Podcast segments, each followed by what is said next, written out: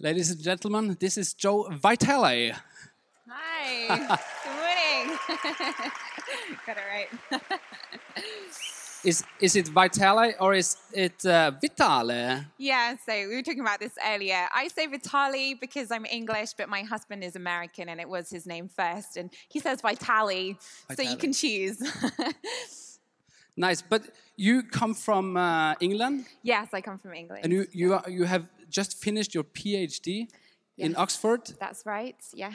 Wh- what is it uh, about? Uh, so, my PhD is on the subject of women and beauty in the Old Testament. So, looking at questions to do with image and identity and uh, kind of bigger feminist questions about does the Bible have anything good to say to women? And you'll be pleased to hear I think it does. So, Cool. Uh, but you study. You have PhD from Oxford. Are you? How big is your uh, IQ? How is, it- is this more- yeah, no, I, it's God helped me get in, I think. yeah. But uh, Jo, you are gonna preach for us. Uh, Yes. And uh, can I uh, pray for you? Love that. Thank you. Dear Father, thank you for Jo. Thank you that you have um, brought her here to uh, Veritas Conferencen. Uh, I thank you for your word, and um, I pray that you, you will open up our hearts and our, minds so we can hear what she is saying uh, and uh, give peace to Jo so that she can communicate what, you, what she have prepared. I pray this in Jesus' name. Amen. Amen. Thank you. Can you just help me get this a bit higher? Thanks. This would have been the right height for me, but I wore heels today. So. Brilliant. Thank you. Yeah, that's perfect. Well, it's so good to be here with you this morning. Thank you so much for inviting me. And thank you also for bearing with my English. If I'm talking too fast and you need me to slow down, just gesture like that, and I certainly will. Um, but my, my husband, Vince, because he's American, uh, he, he asked me yesterday if he thought I was going to need a translator this weekend, to which I replied, Are you kidding? The Scandinavians speak better English than the English. Um, and I actually thought I'd probably need to practice my English to make sure that it's good enough for you. But another stereotype that I had about Norway um, came from a trip that I took to New York a few years ago when I was visiting my husband's family. And we went out shopping and we came across a shop in New York. I don't know if you have it here as well, but it was called Moods of Norway. And, um, and so we went in, and Vince found a coat that he loved. So he bought it, and uh, we took it home. But when we got home, we found a small label on the inside of this coat which said, made by really, really, really attractive blonde girls. So that's what I was expecting when I came to Norway. But I have to admit, I found it particularly funny because under that label was another really, really small label which said, Made in China. But I'm sure that you will have lots of funny uh, stereotypes about the English, so please do find me later on and, and share some of them with me, and we can laugh about them together.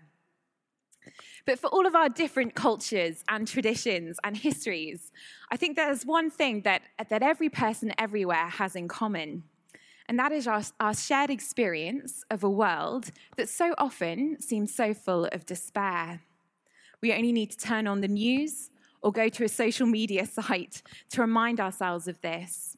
For example, in the last four and a half years, more than 250,000 Syrians have lost, lost their lives in their civil war. And more than 11 million others have been forced from their homes. And even now, risk a terrifying and dangerous journey across oceans and nations in search of a safe place to live in this hostile world. Closer to home, just this week, there was the horrifying news that a man walked into a school in Sweden carrying a sword and he killed two people.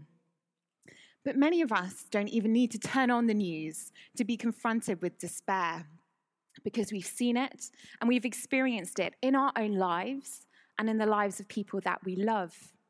One of my students last year is a 22 year old girl called Ariel. Ariel is training to be a doctor. She's smart, she's sports obsessed, and she is full of life. But this year in February, Ariel was diagnosed with a bleed in her brain. And the doctors told her that her life expectancy was going to be about two years if she's fortunate. and that in the meantime, her brain was going to slowly start to deteriorate until eventually she wouldn't be able to communicate anymore and she would gradually lose the use of her limbs. As you can imagine, when Ariel first heard this news, she was devastated. She describes how, when she heard, she, she went and she looked in the mirror and she wondered to herself, Is this the prettiest that I will ever be? Is this the smartest that I'm ever going to be? Is this the strongest that my body will ever be? And as she did so, she grieved for all the life that would be lost to her and the things that she may never get to do.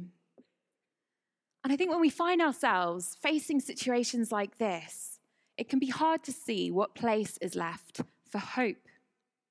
The Greek philosopher Aristotle once famously stated that this is going to work, hopefully. Do Ah, there we go. There it is. Um, Aristotle once said, Hope is a waking dream, which sounds very pretty and poetic, doesn't it? Hope is a waking dream, at least at first. But then you think about it some more and you realize that actually what he's saying is that rather than hope being something that's based in reality, it's a daydream. Hope is fantasy. It's something that we can long for, but we have no real reason to believe that what we hope for might actually come true. Those of us who hope, we're often thought of as wishful thinkers or maybe just a bit naive. Reminds me of a comment from Stephen Hawking, the famous uh, physicist, who says this Heaven is a fairy story for those who are scared of the dark. Hawking claims that people who believe in God and in the afterlife do so because they cannot cope with the harsh reality of this world.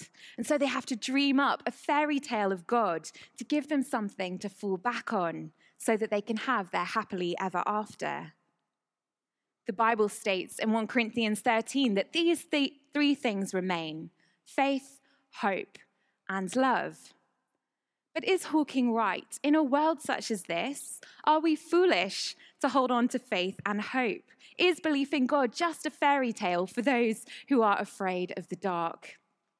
When John Lennox, a professor of mathematics at Oxford University, heard Hawking's comment, this was his immediate response. If religion is a fairy tale for those afraid of the dark, then atheism is a fairy tale for those afraid of the light. Yeah, he's feisty. But looking around at our world, Hawking and Lennox have come to two opposite conclusions. One sees dark, another sees light. One sees despair, and another sees hope.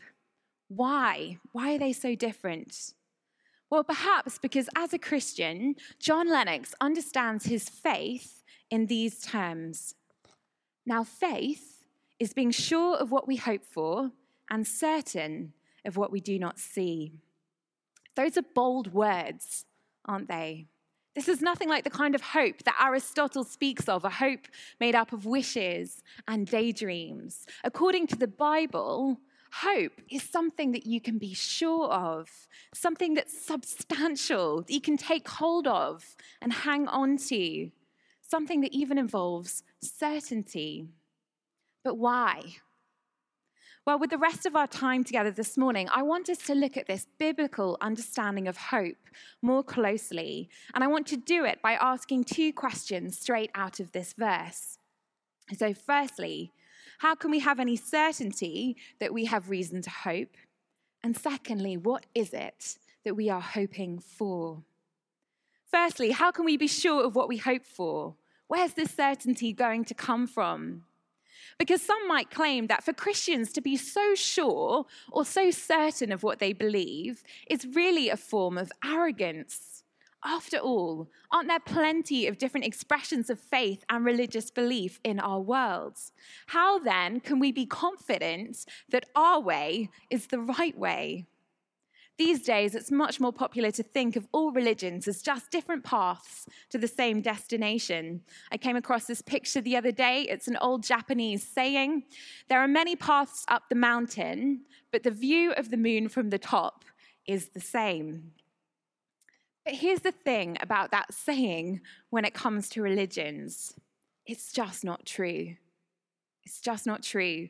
You know, we think of religions as something that are superficially different, but really underneath they're the same thing. They're really just saying all the same truth, aren't they? But actually, it's the other way around. The more I study other faiths, the more I realize that actually, although they may appear superficially similar, at heart, they're saying radically different things. Consider the four largest religions in the world as an example. You know, it's meaningless to say that all paths lead to God when the four most popular religions in the world alone disagree on whether the God that they lead to is one, or Trinity, one God in three persons, or in Hinduism, numbering up to 330 million gods, to no God at all. But given that variety, it can be easy to begin to feel unsure about everything. If there are so many opinions out there, so many different explanations and beliefs, how do we know which is the right path to walk? But here's the difference with Christianity. Unlike any other religion that is based on our human effort of trying to reach God, Christianity is not about us creating a path to God or even going up the mountain at all. Instead, the central message of Christianity is that God has put himself on a path down to us. We sang just earlier about Emmanuel, God with us. And God does this through the incarnation of Jesus. I have a five year old goddaughter called Mia who is obsessed with Disney films. She's in the middle of her sort of Disney princess phase. And when Mia was three years old, uh, she ran up to her father and she said to him, Daddy, did you know that mummy is a queen and I am a princess? And her dad responded by asking her, Does that make me king then? To which Mia immediately replied, No, daddy, Jesus is king. You're just a boy. I'm so proud of her. She's only three, and she not only has excellent theology, but she's already learned how to knock down the male ego a peg or two. But Mia is absolutely right. Unlike everybody else who's ever lived, Jesus is not just a boy. He is not an ordinary man. Instead, the Bible presents him as king of the universe, come to live among us, God himself in human flesh. As Colossians 1 tells us, Jesus Christ is himself the image of the invisible God. In him, all the fullness of God was pleased to dwell. One writer says it this way Jesus is God, spelling himself out in language that men can understand. Now, this is a radical claim. No other founder of any other religion makes such a statement like this. Read this Buddha never claimed to be God. Moses never claimed to be Jehovah. Muhammad never claimed to be Allah. Yet Jesus Christ claimed to be the true and living God. Buddha simply said, I am a teacher in search of the truth. Jesus said, I am the truth. Confucius said, I never claimed to be holy. Jesus said, Who convicts me of sin? Muhammad said, Unless God throws his cloak of mercy over me, I have no hope. Jesus said, Unless you believe in me, you will die in your sins. These identity claims that Jesus makes are undoubtedly outrageous. And yet, later on today, when we're going to be considering the evidence for the resurrection, we'll have the opportunity to look into why Christians believe that they are nevertheless true. But if Jesus is who he claimed to be, the divine Son of God, as I'm wholeheartedly persuaded that he is, then I want to suggest two reasons that this gives us to have a sure and solid foundation for our hope in an often seemingly hopeless world. Firstly, because it means that in the Christian worldview, you're not primarily being asked to put your hope in an ancient text or in a philosophical argument or in an abstract concept or a set of rules or propositions or pathways. Instead, you're being asked to put your hope in a person.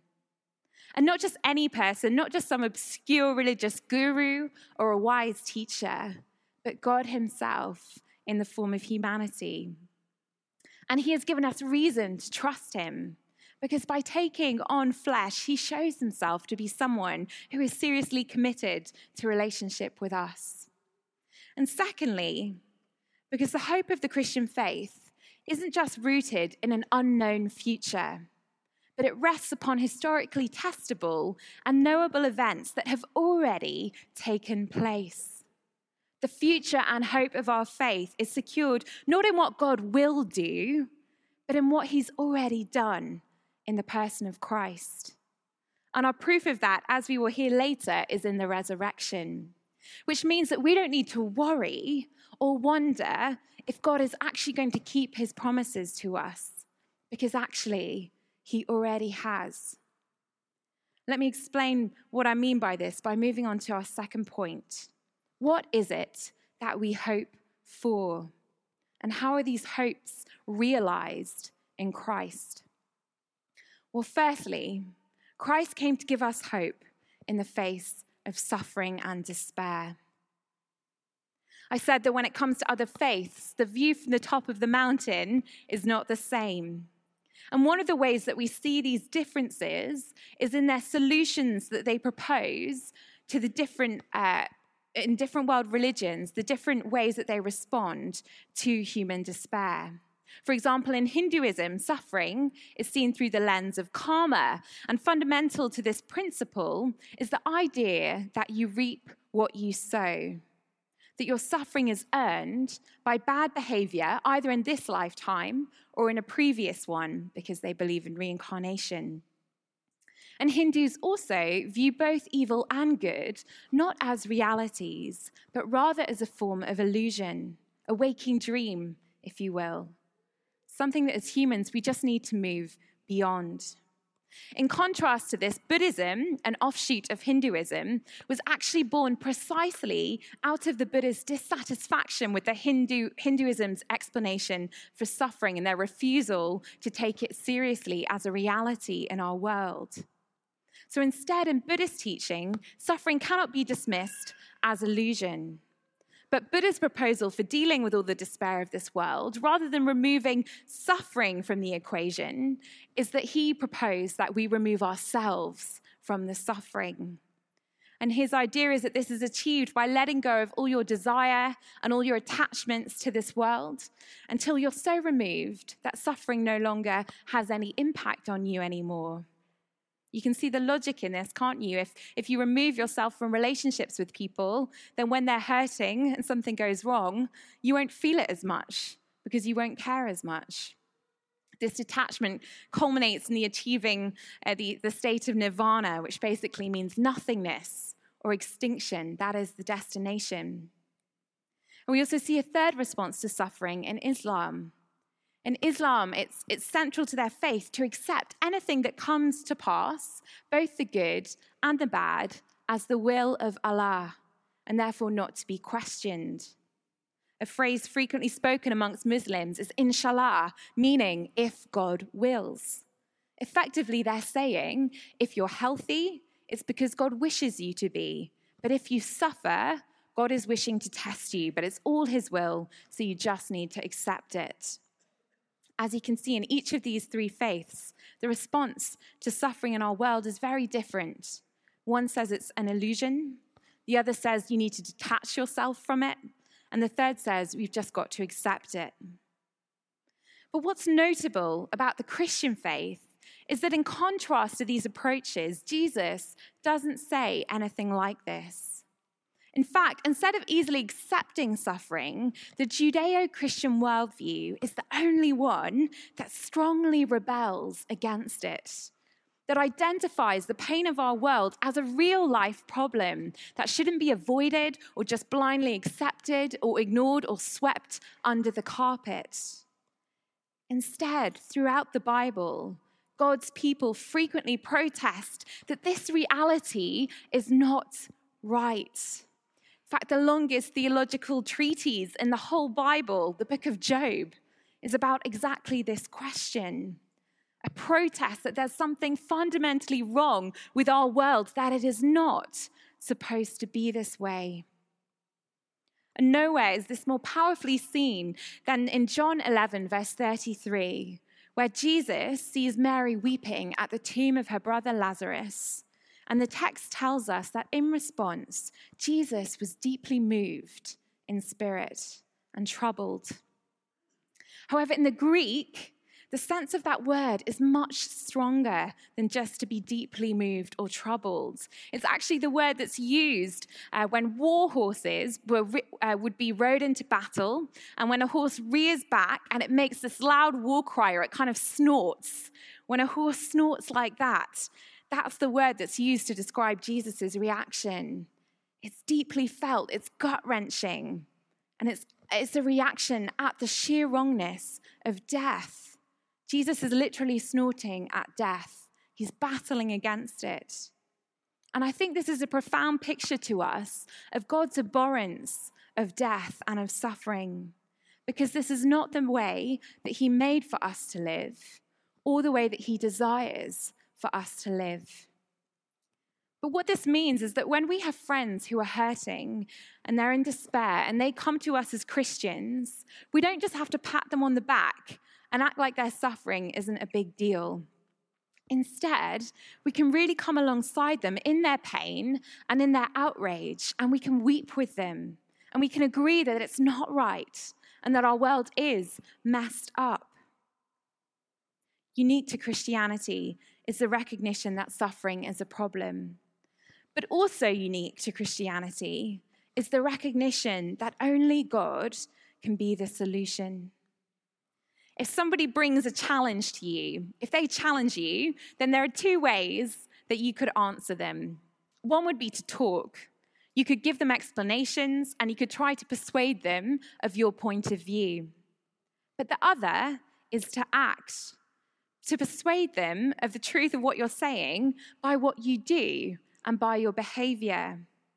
And this second response is actually really important because, as people say, well, they do in my country anyway, talk is cheap. It's easy to say something, but unless you can back it up with proof, it's nothing but empty words. It's been said that after all is said and done, a lot more will have been said than done. But at the incarnation, rather than just providing abstract philosophical explanations for why he allows suffering, we see a God who steps down into a despairing world and who demonstrates his love for us in a way that we cannot deny. This is a God who's not just up in heaven, kicking back in a deck chair by the pool, drinking pina coladas, while the rest of us are down here in our agony, brokenhearted and hurting. God is not detached like that. There is just no way that he could stay seated up high on a heavenly throne when the rest of his children are hurting. Instead, he comes right down and he suffers right alongside us. Nowhere is this more vividly displayed than in the Garden of Gethsemane, when Jesus sweats tears of blood and he cries out that his soul is overwhelmed with sorrow, even unto death. Which for us actually means that no matter what depths of despair you've gone to, or no matter even what suicidal thoughts you may have struggled with, we worship a God who has been right there, who's been overwhelmed with sorrow to the point of death. John Stott explains it this way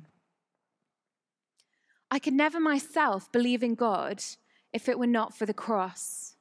The only God I believe in is the one Nietzsche ridiculed as God on the cross. In the real world of pain, how could one worship a God who was immune to it? I've entered many Buddhist temples in different Asian countries, and I've stood respectfully before a statue of the Buddha, his legs crossed, arms folded, eyes closed, the ghost of a smile playing around his mouth, a remote look on his face, detached from the agonies of the world.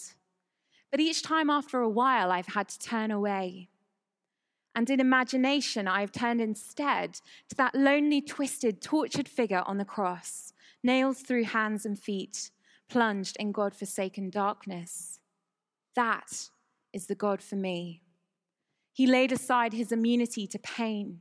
He entered our world of flesh and blood, tears and death. He suffered for us our sufferings become more manageable in the light of His.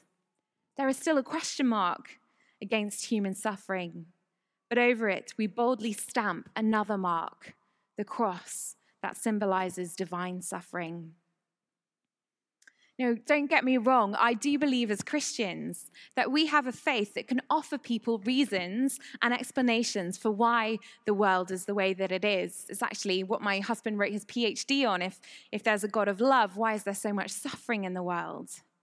But I also think that even more than our explanations, at the cross, we're given irrefutable evidence that no matter what questions may remain, one thing we cannot doubt is that God is for us because he's proved it in such an extravagant display of love. Talk may be cheap, but the cross costs God everything highlighting the uniqueness of the Christian response to suffering. In this hymn, Jesus of the Scars, Edward Shillito writes The other gods were strong, but you were weak. They rode, but you stumbled to a throne. But to our wounds, only God's wounds can speak, and not a God has wounds, but you alone. I mentioned my friend Ariel earlier, but what has been incredible to see is that out of her despair, when she was diagnosed with this brain condition. Over the last few months, I've watched her become actually the most hope filled person that I know. Because as she would say in her grief, she's encountered God right there with her, a God who understands her pain and her fear better than anyone else ever could. Despite the unknown, Ariel has never felt less alone.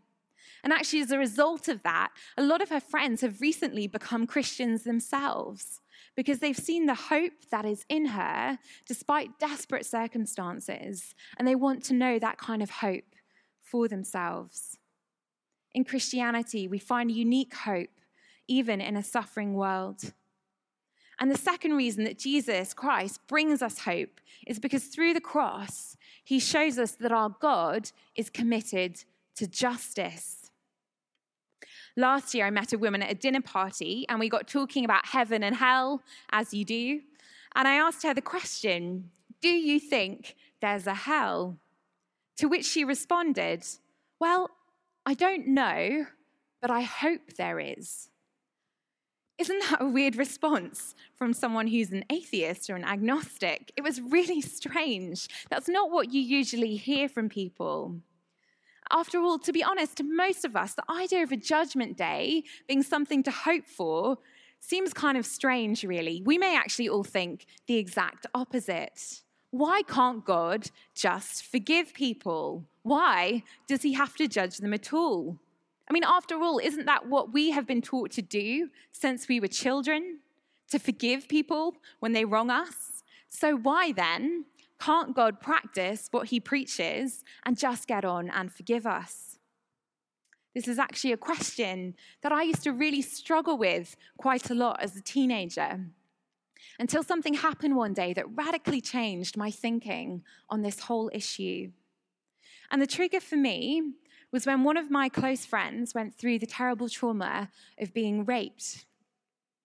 And seeing her deal with the consequences of that seeing the fear that she has to live with every day, and the guilt and shame that she feels for something that she has no reason to feel guilty for, and the way that she began to hate her body and punish herself by not eating, and the way she would go from one broken relationship to another, because ever since that day, she can't cope with intimacy.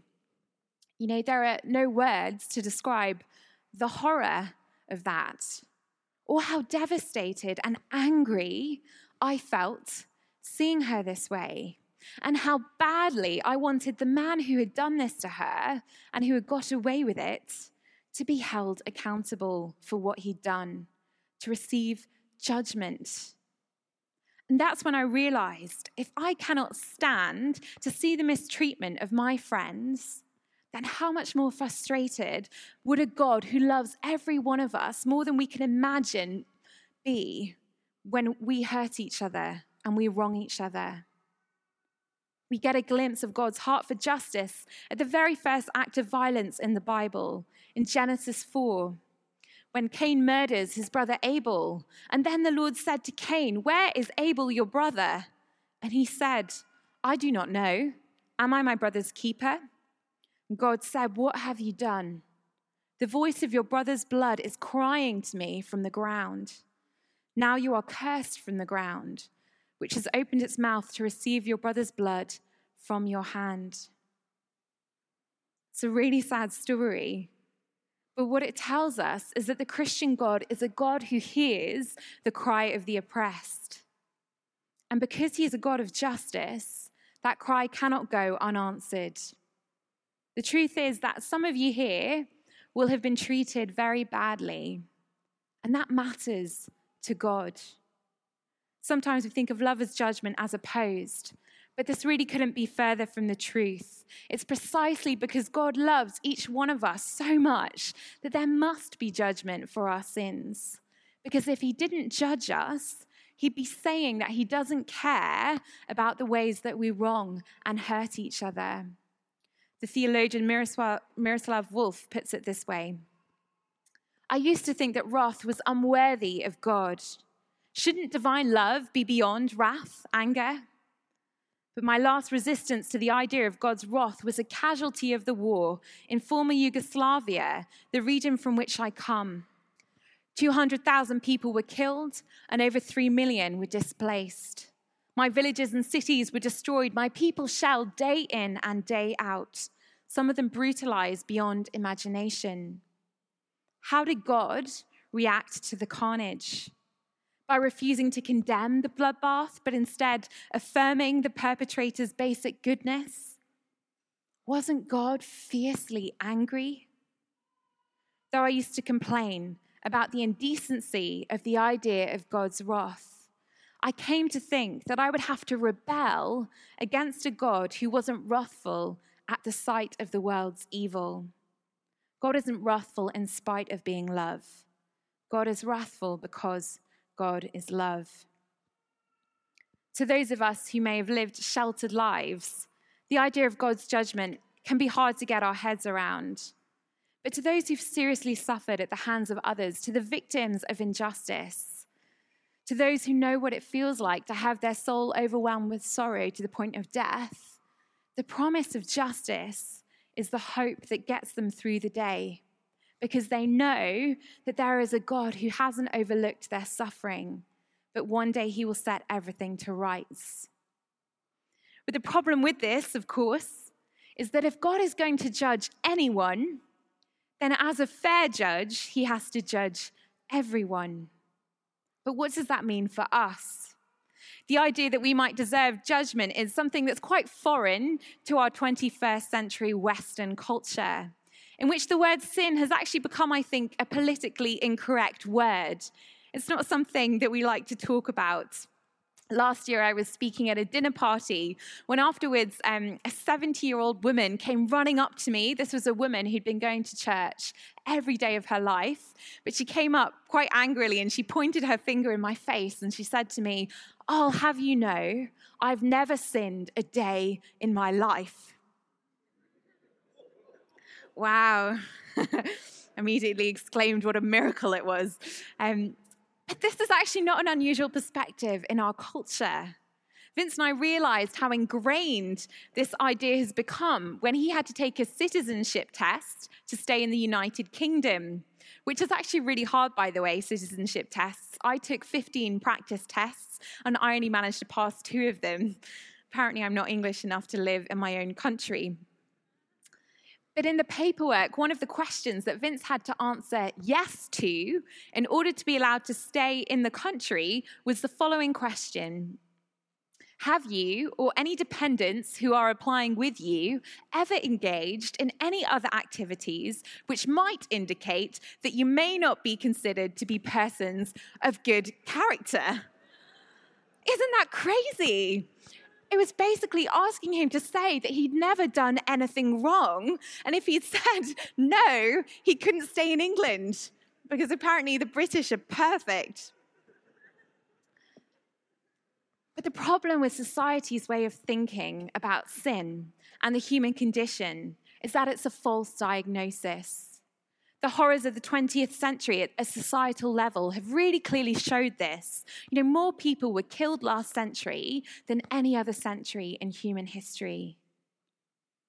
I think in our more honest moments, we can all admit there is so much in us that doesn't look very good. I talked about despair being a problem out there in the world. But the reality is that the reason that there is despair out there in the world is because, first and foremost, the despair starts in here, in every one of us.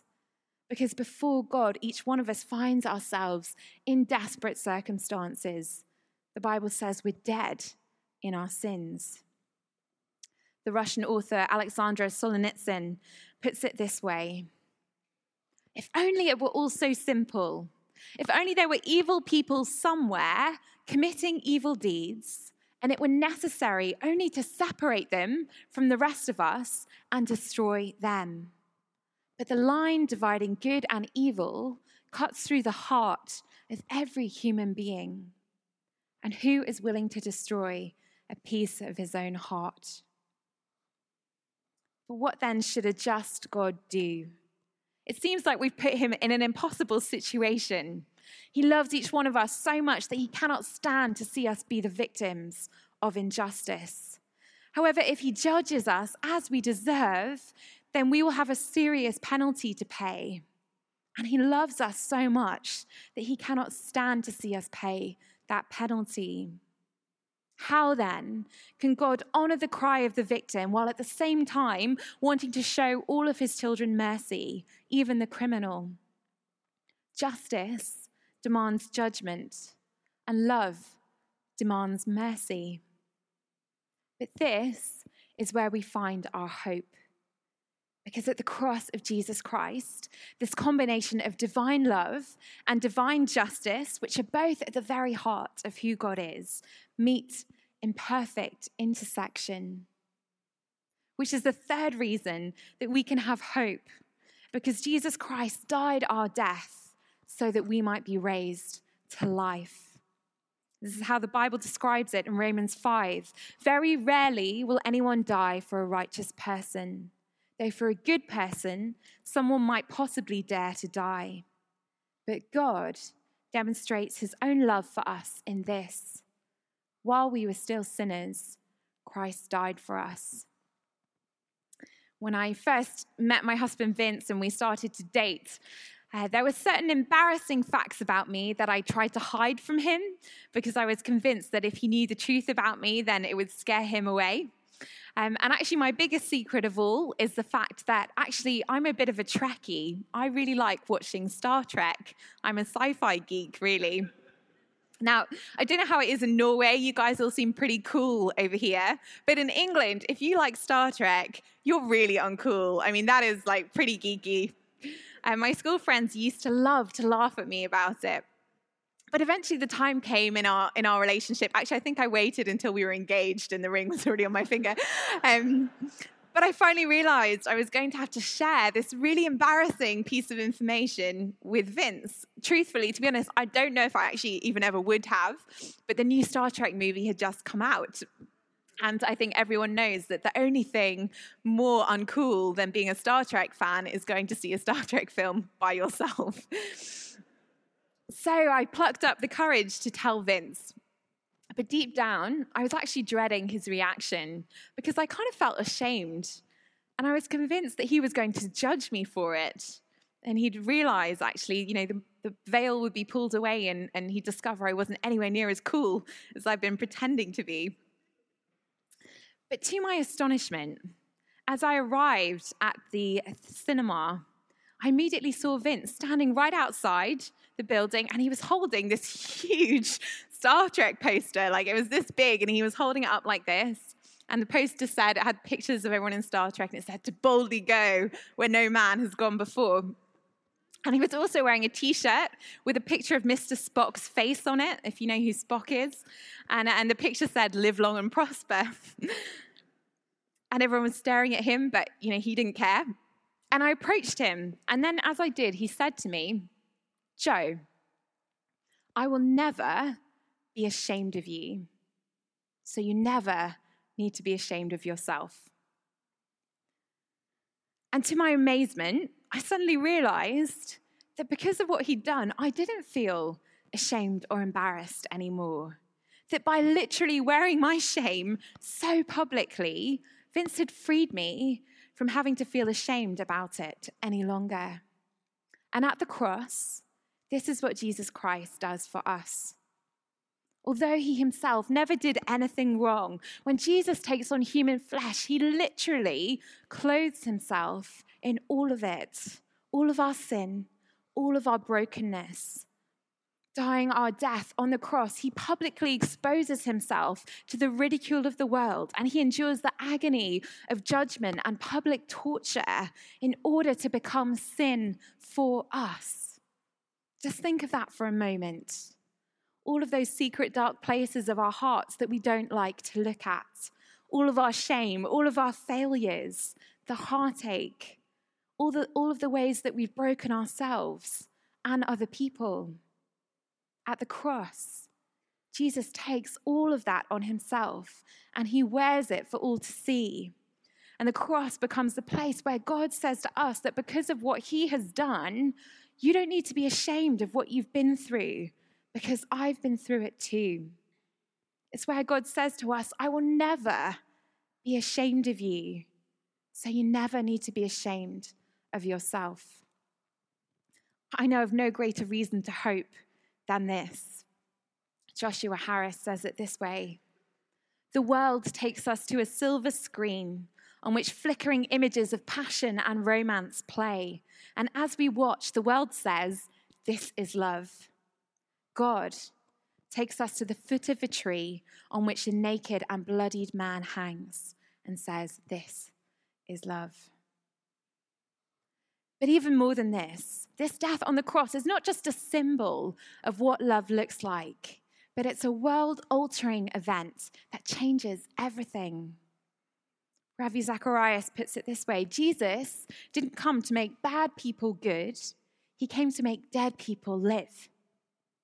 I said earlier that the cross is where God shows us that He is with us in our suffering. But note that the cross is also where God provides the solution to our suffering because it's at the cross that he trades with us to give us his own life, an eternal life that overcomes death. Until one day, as the Bible says, God will wipe away every tear from our eyes, and there will be no more mourning or crying or sickness or pain. It's for this reason that my friend Ariel can live with such hope because she's come to the realization that actually the answer to that question that she asked when she looked in the mirror is no. That this moment in time that she has now is not all there is. That there will be a day when she'll be prettier and smarter and stronger. Because at the cross, Jesus didn't just die for her to be close to her in her pain, but he overcame suffering to win eternal life for her. For Ariel, hope isn't just a fairy tale because it's grounded in the historical reality that God Himself came in the flesh to die on her behalf. And therefore, this is a hope that she can be sure of and hold on to. But this hope of new life isn't just limited to life after death, because actually, Jesus' death gives us hope for life, even in this world as well.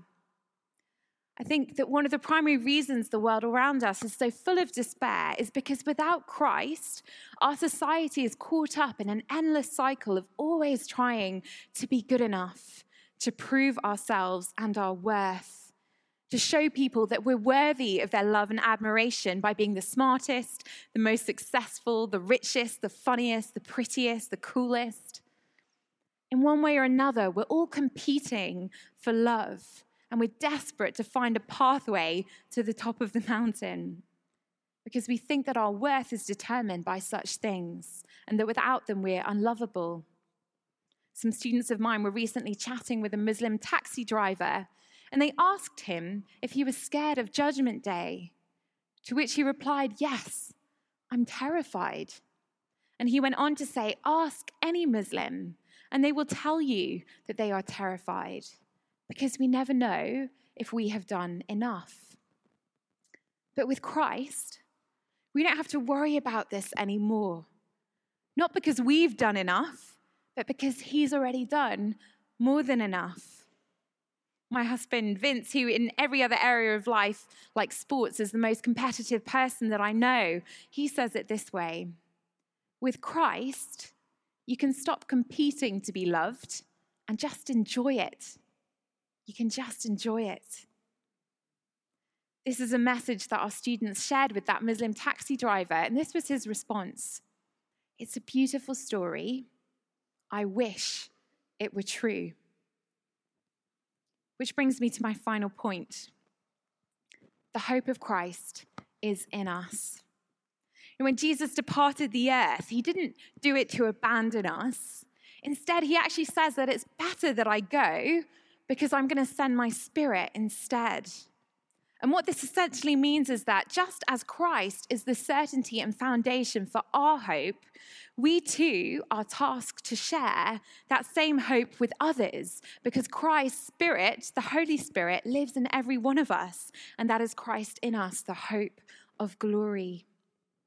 We may look around at the world and we ask, God, look at all this mess. Where are you? What are you going to do about it? His response to us is this I'm in you. What are we going to do about it? He's a God who loves to involve us in his plans and his purposes. In a despairing world, God has called his people to be the hope of the world. One of my students this year, uh, where I teach at the Oxford Centre for Christian Apologetics, uh, he's a man called Hassan and he's a Nigerian priest from Jos, which is right at the heart of the Boko Haram territory in northern Nigeria. If you don't know who the Boko Haram are, they're a militant Islamic group who've killed hundreds of Christians by blowing up their churches and kidnapping girls from schools in northern Nigeria. But in that despairing context where he lives, Hassan looked at the situation around him and he began to pray and to plan ways to get the Muslims and Christians to build bridges of peace. So he went first to the Muslim imams in his area and he said to them, Would you meet with me once a week to teach me about your Islamic view of Jesus? And he did this because he just wanted to build relationships with them. And so they began to meet once a week.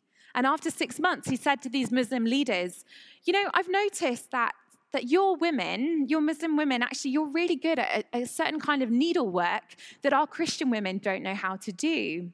But our Christian women know how to cook in a certain way that your women don't. So why don't we get our women together as a group and, and, and bring them together weekly so that they can learn from one another? And initially, this suggestion was met with suspicion but over a year, that group has grown from six women meeting together to over 200 women from both communities meeting together every week. And then Hassan was walking down the street in, in the Muslim area when he saw a little girl who was playing by herself and she wasn't in school.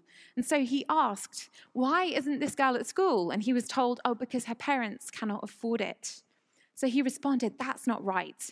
Let me see what I can do a year on now, and 260 Muslim children are getting a free education in the church schools in that area. And finally, just before Hassan left to come over to Oxford for this year to study with us, um, he was in his home one day when he opened the door to see a huge gang of the militant young men from that community, the men who are members of Boko Haram, on his doorstep. You can imagine what was going through his mind as he saw this crowd in front of him and he, he thought, this is it. They've come to kill me. But then they said to him, It's not fair. You're doing all these things for our children, and you're doing all these things for our women, but what are you going to do for us? I mean, how amazing is that?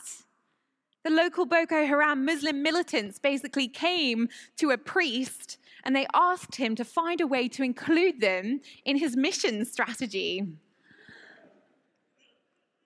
Why? Why did this happen? Because, like everyone else in this despairing world, they are hungry for hope and they see it in him. This isn't to say that Hassan's life isn't hard or risk free. He's been shot at twice. Every morning when he gets out of bed, he wonders if he will return to his family at the end of that day. He wonders if his family will be safe when they go to church on a Sunday morning.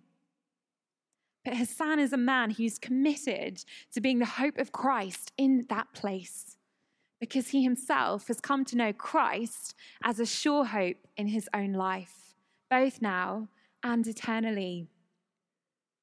And as I finish, I just want to encourage you to consider the context that you find yourselves in and how Christ might be calling you to bring hope. It brings us back to the purpose of this whole conference, actually, uh, because we're going to spend the rest of our day thinking about how we can give answers to people's questions, how we can meet their needs, how we can be people of hope. So I'm just going to invite the uh, worship band to come back up on stage. But as they're walking up, um, I just want to finish by, by reading you these words from 1 Peter 3.15, which is the motivation and the basis for why we do apologetics, why we defend our faith. It says this, In your hearts, set apart Christ as Lord. Always be ready to give an answer for the hope that you have, but do it with gentleness and respect. Amen.